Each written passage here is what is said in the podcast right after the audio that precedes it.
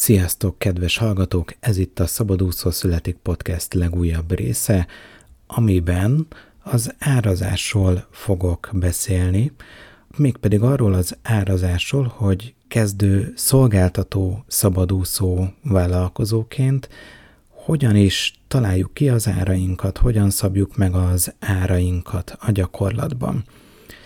Nem nagyon találtam ezzel kapcsolatban ugyanis olyan leírást, útmutatást, amit én a saját magam megfelelően tudtam volna használni a, az áraim, a saját áraim kialakításához, és szeretném ezt az űrt egy picit betömködni, és segíteni nektek, hogy ti ne bajlódjatok ezzel olyan sokat, mint amennyit én az elmúlt egy évben. Nézzük is, hogy miről lesz szó kicsit konkrétabban. Arra készülhetsz, hogy várhatóan kettő-három részben fogok erről az árazás témakörről beszélni. Még egyszer hangsúlyozom, hogy szolgáltatás alapú vállalkozóknak szól ez a két-három podcast rész, tehát aki webshopot akar üzemeltetni például, annak nem fog túl sok támpontot adni ez az árazásos podcast mini sorozat, így a szabadúszó születiken belül. Amire ne számíts, az az, hogy konkrétumokat mondok olyan szempontból, hogy Budapesten mondjuk egy business coachnak mi a megfelelő árazás, hogy mondjuk óránként 15 ezer vagy 45 ezer forint az ideális árazás, és akkor te is erre lőd be az áradat, hogyha mondjuk pont Budapesten pont business coach vagy. Tehát ilyen jellegű konkrétumok, ilyen konkrét javaslatok nem fognak elhangzani ebben a podcast részben, és a következőkben sem. Viszont sok támpontot fogok adni azzal kapcsolatban, hogy mégis mi mentén gondolkoz, és hogyan építsd fel az áraidat, és hogyan tudsz saját magadnak egy megfelelő árazást kialakítani.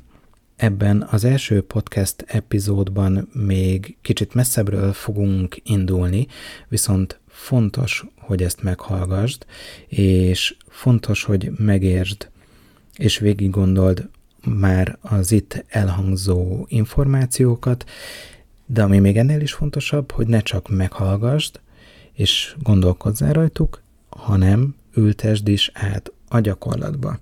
Mindjárt meglátod, hogy mire is gondolok. Még itt az elején le kell szögeznem azt, hogy sok néha unalmasnak tűnő, meg igazából kényelmetlen, kellemetlen dologról fogok itt beszélni, főleg ebben az első részben, hogy mérni kell azt, hogy mennyi pénzt költünk, mérni kell az időnket.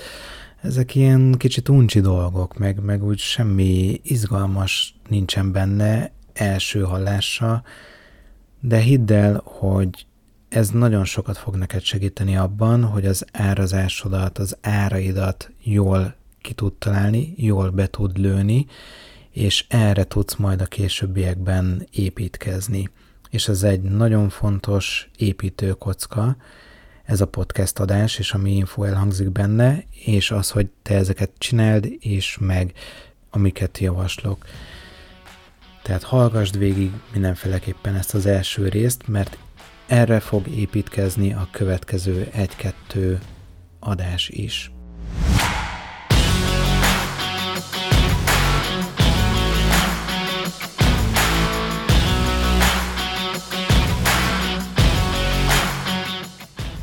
Nyilván azért akarsz szabadúszó lenni, és azért akarsz vállalkozást indítani, hogyha még csak gondolkodsz a vállalkozás indításon, mert szabad szeretnél lenni, szabadabb szeretnél lenni, mint amilyen most az alkalmazotti léted, amiben valószínűleg benne vagy.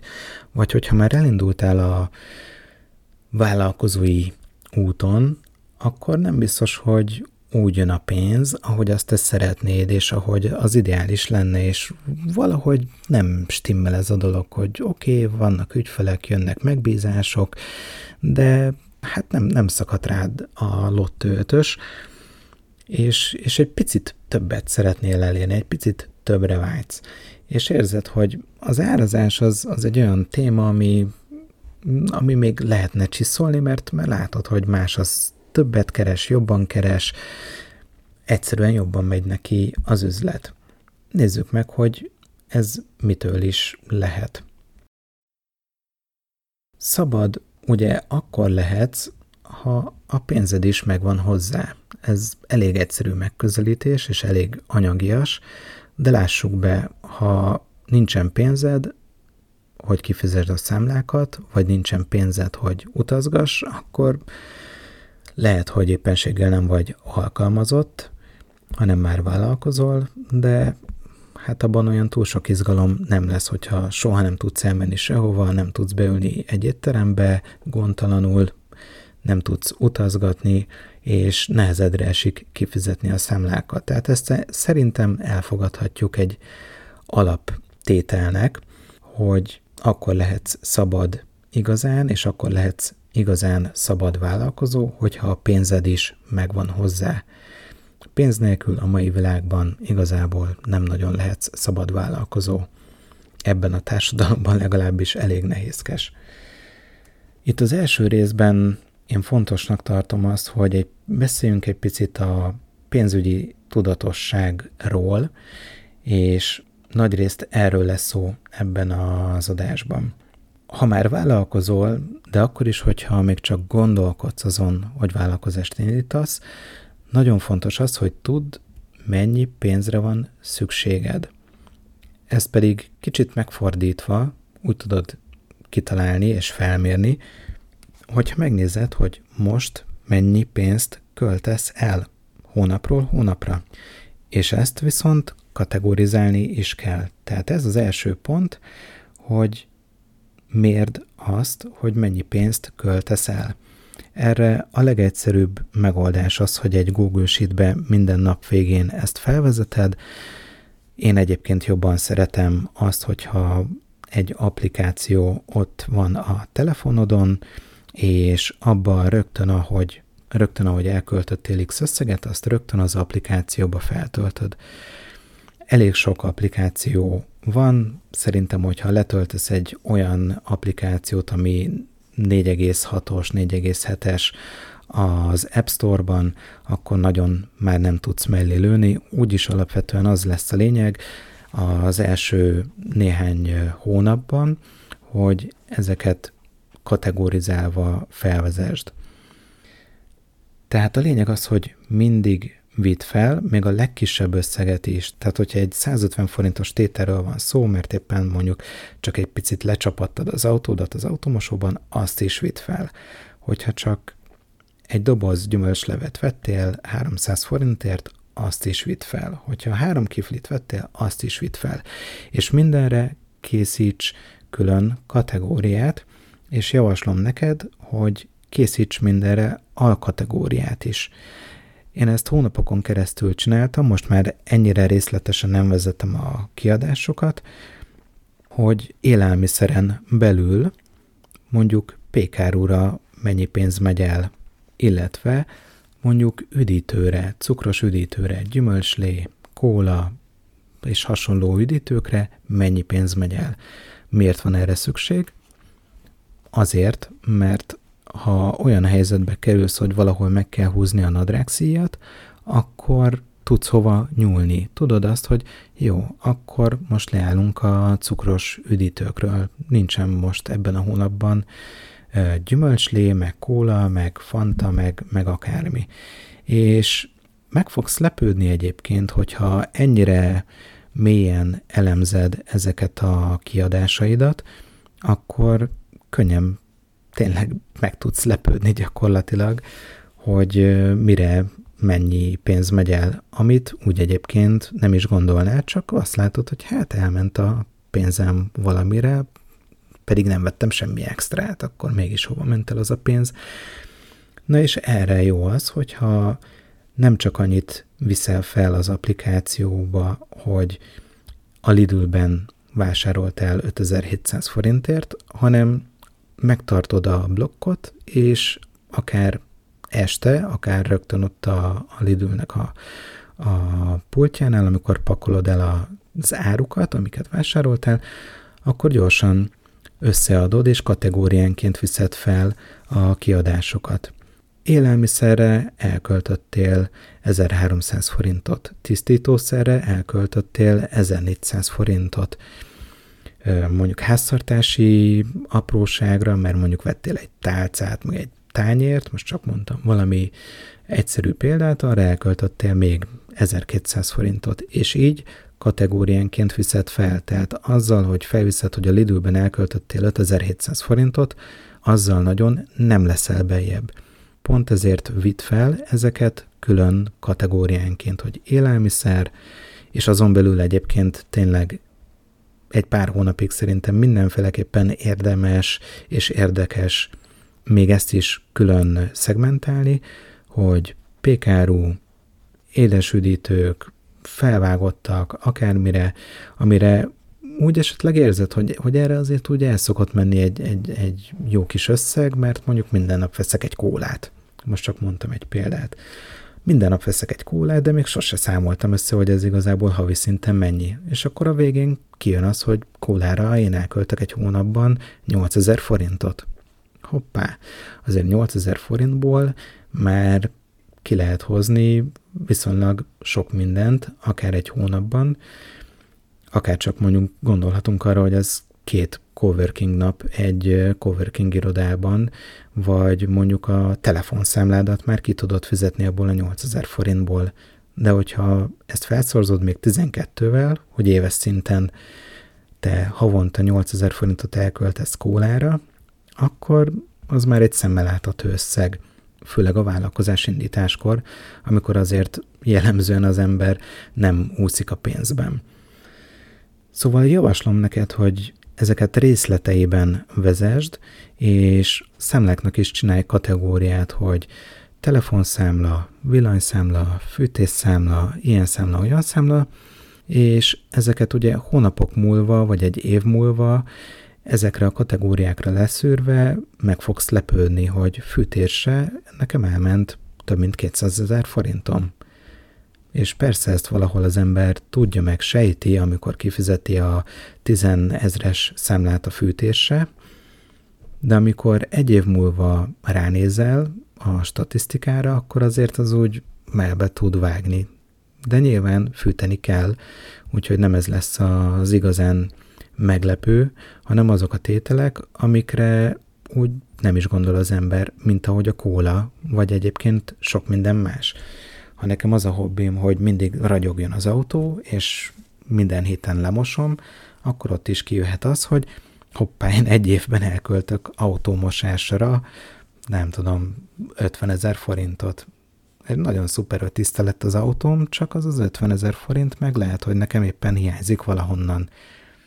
Nem is ragozom tovább ezt a témát, ha még nincs ilyen applikáció a telefonodon, akkor most menjél fel, és töltsél le egy olyan applikációt, ami így ránézésre a screenshotok alapján így szimpatikus, 4,6 fölötti az értékelése, ott állítsd be ezeket a kategóriákat, tényleg javaslom, hogy alkategóriákra is bontsd ezeket a kiadásokat, és használd legalább három hónapig, és három hónap után nézd meg a statisztikát, hogy az előző három hónapban mire mennyi összeget költöttél el, és garantálom neked, hogy lesznek olyan kategóriák, amiken nagyon-nagyon meg fogsz lepődni.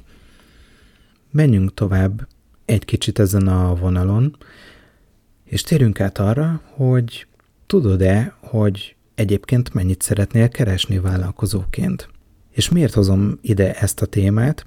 Pont azért, mert hogyha fent van a telefonodon az applikáció, és minden este a blokkokból külön kategóriákban felviszed a kiadásaidat, meg persze nyilván a bevételeidet is, akkor a hónap végén látni fogod, hogy hova megy el a pénzed, és látni fogod azt, hogy ha egy picit össze is húzod magad, akkor sem fogsz kijönni mondjuk 200 ezer forint alatt. Tehát neked minimum tisztán 200 ezer forintot meg kell tudnod keresni majd, amikor vállalkozni fogsz.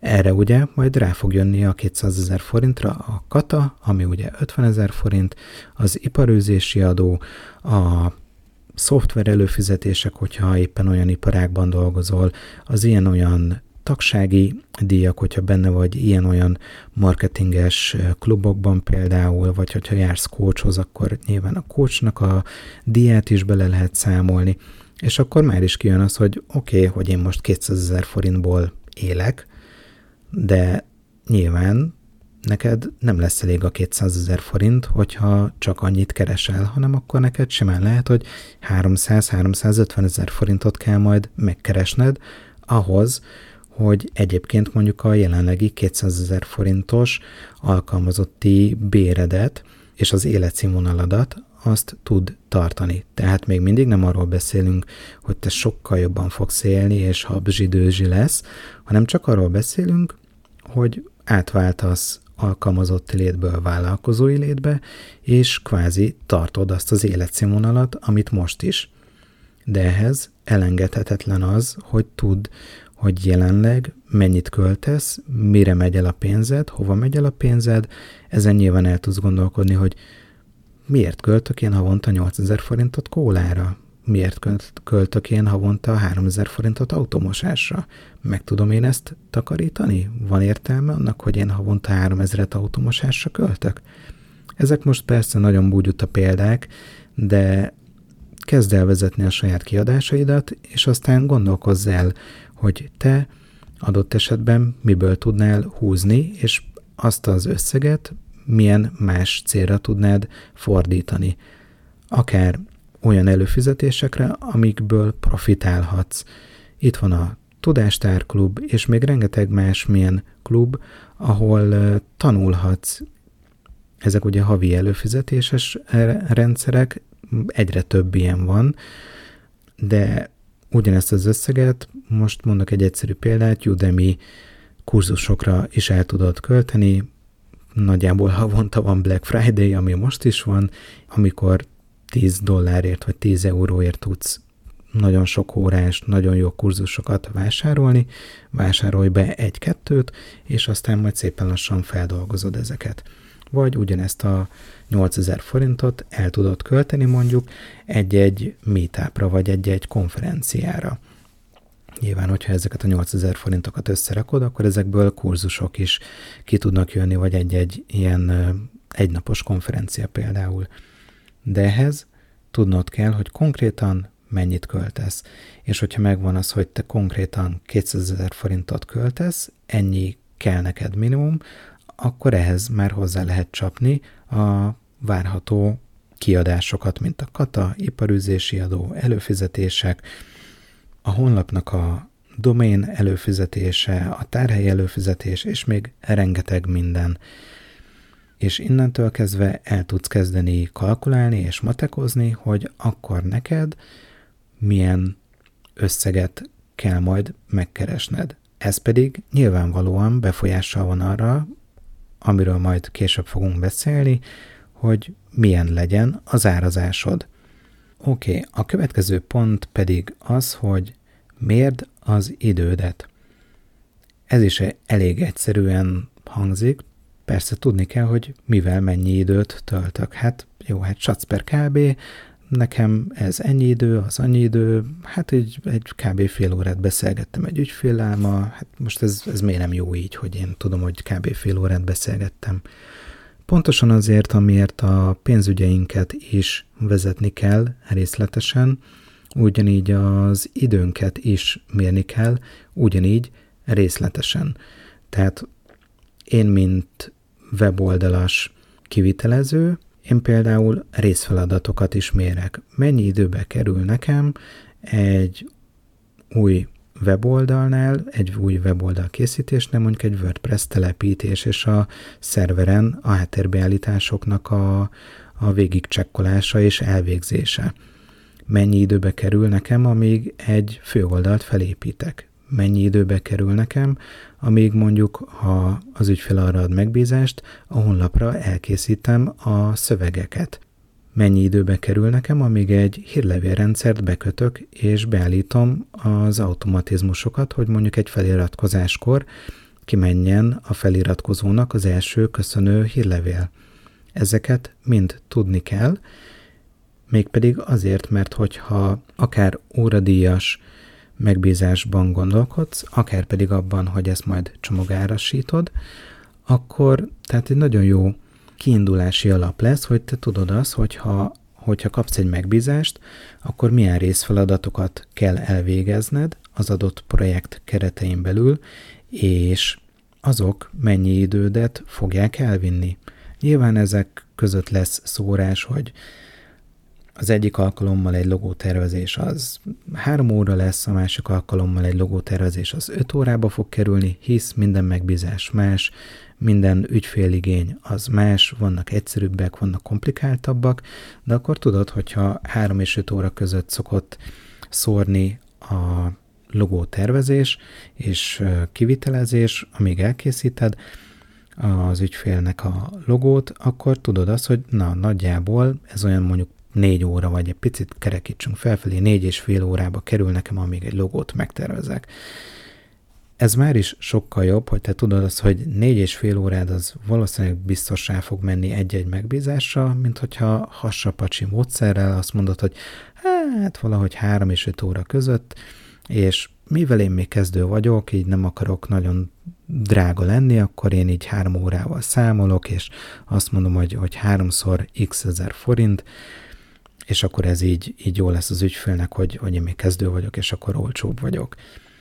De ez nem lesz jó, mert utána, hogyha a következő három megbízásnál 5 órába fog kerülni a logótervezés, akkor már nem csak az, hogy anyagilag nagyon nagy mínuszban leszel, de el is csúszol a megbízásokkal, és nem fogod tudni határidőre teljesíteni azokat.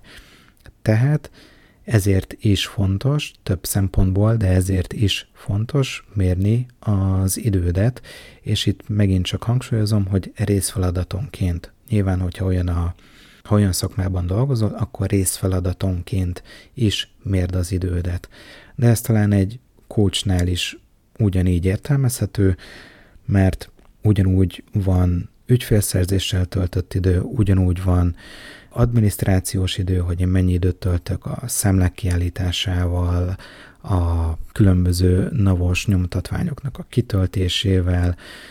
Nyilván évenként egyszer kell, de mondjuk a, a NAV bevallásnak az elkészítésével, tehát azért sok minden adódhat, és ezeket érdemes külön kategóriákba felvinni az időmérő applikációba. Erre is egyébként, hogyha rákerestek az App Store-ban, akkor találtok több jó megoldást.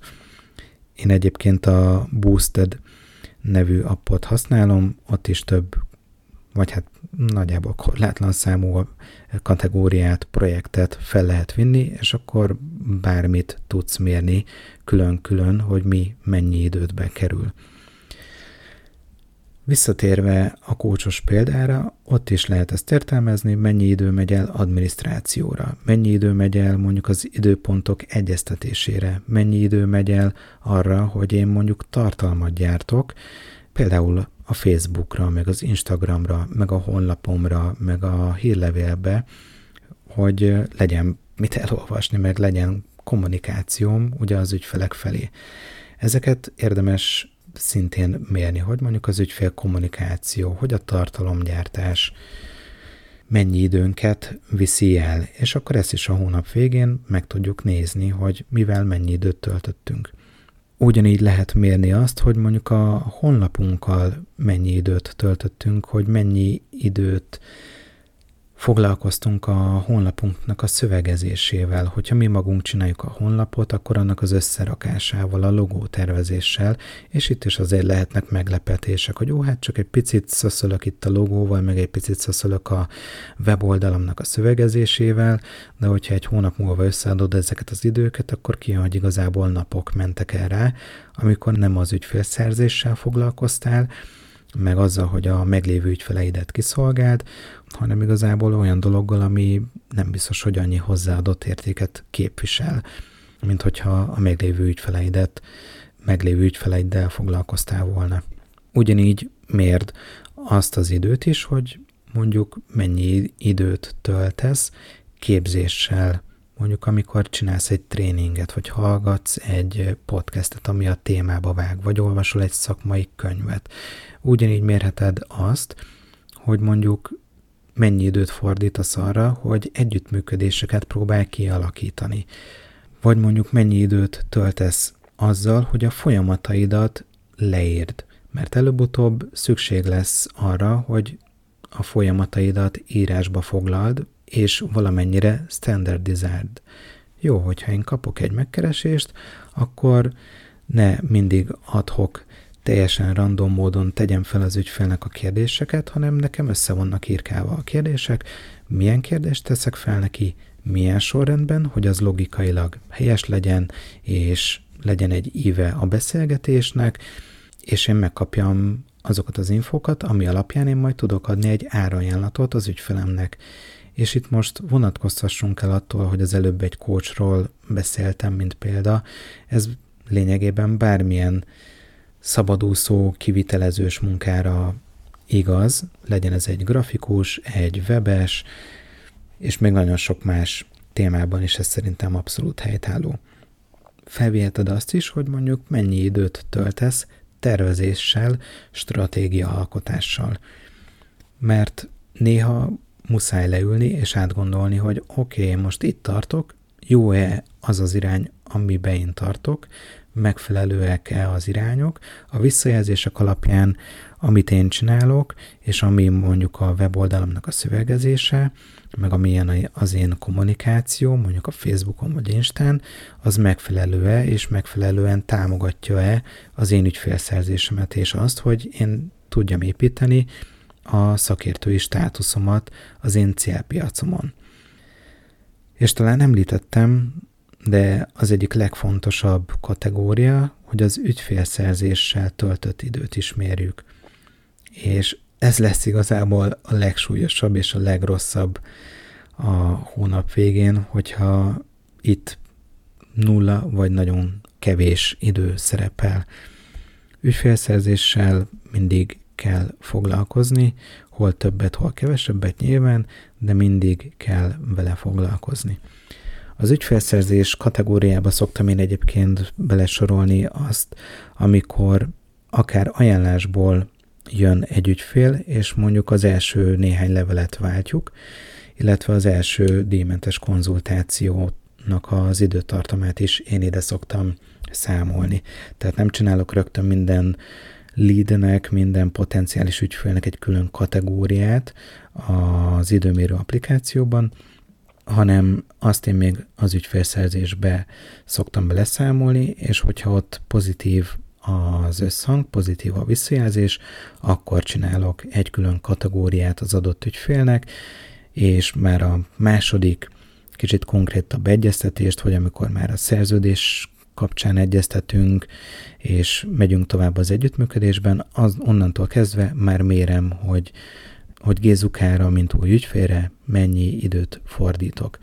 Oké, okay, szerintem mostanra már elég egyértelmű lett, és elég világos lett, hogy fontos az, hogy mérjük az időnket. Nekem is egyébként, amikor elkezdtem a Sándorfi Adriánnal együttműködni, elkezdtem hozzá coachingra járni, az elsők között volt talán a legelső ülésen mondta azt nekem, hogy István, most azonnal kezd el mérni ezeket az időket részfeladatokra lebontva. És ennek most már több mint egy éve, és azóta is mérem ezeket az időket, mert fontos, és egyébként látni is fogod majd az idő elteltével, hogy fejlődsz. Mert hogyha grafikus vagy, akkor látod, hogy mondjuk most jellemzően négy és fél órába kerül, hogy elkészíts egy logótervet egy ügyfélnek, de hogyha eltelt fél év, és megnézed újra az elmúlt egy hónapnak a statisztikáját, akkor azt fogod látni, hogy már csak három és fél óra átlagosan az, hogy te elkészíts egy logótervet egy ügyfélnek. Hogyha megnézed még egy fél év múlva, hogy az, az akkori egy hónapban mennyi idő alatt készültél el egy-egy logóval, akkor meg azt fogod látni, hogy már csak mondjuk három óra vagy két és fél óra elkészíteni, mert sokkal nagyobb a rutinod, sokkal gyorsabban tudsz szaladni, sokkal több praktikát ismersz, és így nyilván akár az árazásodon tudsz változtatni, akár hogyha nem változtatsz az árazásodon, akkor is úgy összességében, ha ugyanannyit kérsz el érte, mint egy évvel korábban, sokkal többet keresel, hisz sokkal hamarabb végzel a logótervezéssel, mint amivel eredetileg számoltál, hogy mondjuk neked négy és fél órád rámegy egy logótervnek az elkészítésére. Oké, okay. és akkor egy utolsó pont, az pedig az, hogy készíts egy vállalkozói dashboardot. Erre a legegyszerűbb talán az, hogyha a Google Sheet-en nyitsz egy új fület, és oda felvezeted a vállalkozással kapcsolatos bevételeidet és kiadásaidat. A bevételek az viszonylag egyértelmű, minden, amit a vállalkozásodból megkeresel, ügyfélmegbízásokból bevételed származik, oda azokat fel tudod vinni. A kiadások már egy sokkal izgalmasabb téma, mert oda fel kell vinned a havi rendszeres kiadásaidat, mint például a kata, hogy itt ez lehet, hogy te még csak részmunkaidős, részmunkaidőben vállalkozol, tehát 25 ezeret fizetsz kataként, lehet, hogy te 50 ezeret, vagy már 75 ezeret fizetsz, de ez minden hónapban jelentkezik. Ugyanígy a különböző szoftver előfizetések, tagsági díjak, bérleti díj, hogyha mondjuk egy masször vagy, és mondjuk helyet bérelsz, vagy joga stúdiót üzemeltetsz, nyilván bérelned kell a termet nagy valószínűséggel, és ez neked egy havi rendszeres kiadásod lesz. Ugyanígy, hogyha mondjuk coworking irodába szoktál járni, dolgozni, akkor a coworkingnek a díját is ugyanide fel kell vezetned, mert az egy rendszeres kiadás lesz. Ne feledkezz meg azokról a negyedéves, vagy fél éves, vagy évenkénti egyszeri díjakról sem, mint például az iparűzési adó, vagy ugye az évenkénti egyszeri kamarai tagsági díj, vagy mondjuk a doménednek az előfizetési díja, vagy mondjuk a honlapod tárhelyének az előfizetési díja. Ezekről könnyen megfeledkezhet az ember, de ezeket is mindenképp célszerű felvinni, hogy mikor jelentkeznek ezek a díjak, pontosan azért, hogy aztán tudjál ezekkel kalkulálni, hogy nekem szeptemberben kell mondjuk a tárhely előfizetéssel számolnom, meg a nem tudom, két-három valahány domain címem akkor újul meg, tehát nekem szeptemberben jelentkezik egy a szokásos havi mondjuk kata díjon felül, nekem még ott plusz 30 ezer forint költségem fog adódni szeptember hónapban, és nekem erre nyilvánvalóan készülnöm kell, hogy akkor legyen elég tartalékom a rendszerben és a számlámon, hogy ezt a plusz 30 ezer forintot szeptemberben ki tudjam fizetni. Tehát ide szintén, ahogy a pénzügyeknél vigyetek fel mindent, a legapróbb előfizetést is.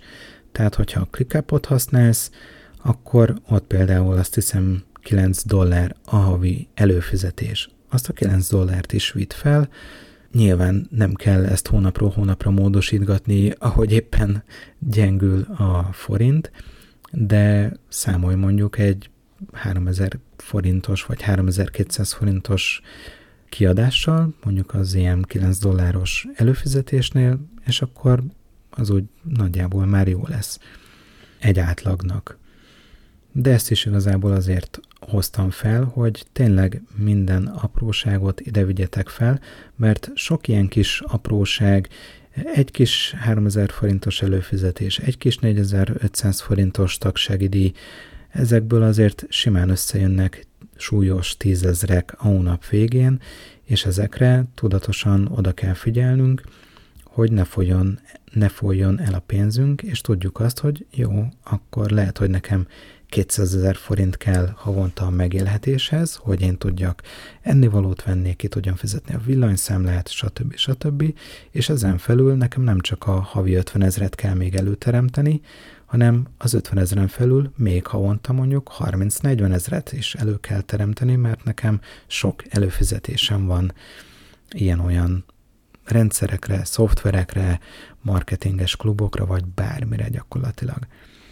És ezeket ugyanígy hónapról hónapra vezessétek, akár külön Google Sheet-eken az egyes hónapokat, és nézzétek meg, hogy milyen trendet láttok. Egyre több a bevétel? Stagnál a bevétel? Egyre több a kiadás, mert emelkednek mondjuk ezek az előfizetési díjak? ha emelkednek ezek az előfizetési díjak, meg a terhelynek a díja, meg mindennek a díja, akkor nyilván több pénzt kell előteremteni, hogy ezeket ki tudjuk fizetni. De ez meg csak akkor fog menni, hogyha ezeket hónapról hónapra összeírod, hogy át tud tekinteni, és lássál ezekben nyilván hónapok elteltével egy trendet, hogy na itt, itt az egyik hónapban megemelkedett a havidíj, ott a másik hónapban, a harmadik szoftvernél, meg a harmadik hónapban, és ezek ugye havonta egy-egy kis impulzus, hogy ó, már nem 9 dollár, hanem már 11 dollár az előfizetés, igazából 2 dollár a különbség, nem nagy cucc, de hogyha van 4-5 előfizetésed, akkor az már elég nagy cucc lesz, mert kvázi egy új előfizetésednek a díja az, amit pluszban ki kell fizetned. De ez most nyilván egy eléggé leegyszerűsített és lesarkított példa volt.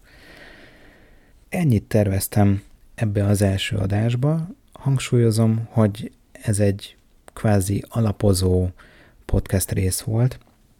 A következő adásban fogok belemenni konkrétabban az óradíjas és a csomagáras árazásnak a kialakításába, abba, hogy miket nézzünk meg, hogy nézzünk meg, hogyan gondolkodjunk ezekről, mi alapján kalkuláljunk, és hogyan alakítsuk ki ezeket az árakat, úgy, hogy ne csak az ügyfélnek legyen jó, hanem nekünk is. Lehet, hogy te még kezdővállalkozó vagy, de akkor sem kell teljesen letolni a gatyát, és akkor sem kell, hogy te legyél a legolcsóbb a piacon, mert hogyha ehhez szoktatod hozzá az ügyfeleket, akkor onnan nagyon nehéz lesz kitörni, és egy olyan bevételre szert tenni, és elfogadtatni az új áraidat, a magas áraidat az ügyfelekkel, ami számodra is már profitábilis lesz, és megéri.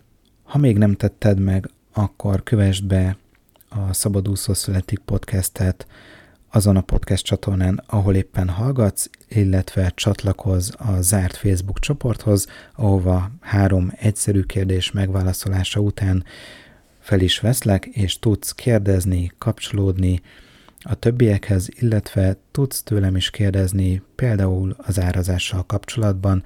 Ha van kérdésed, kételjed, akkor tedd fel nyugodtan a zárt csoportban, és akár én, akár a többi vállalkozó meg fogjuk ezeket válaszolni. Gyertek, csatlakozzatok, és találkozunk a következő részben egy hét múlva. Sziasztok!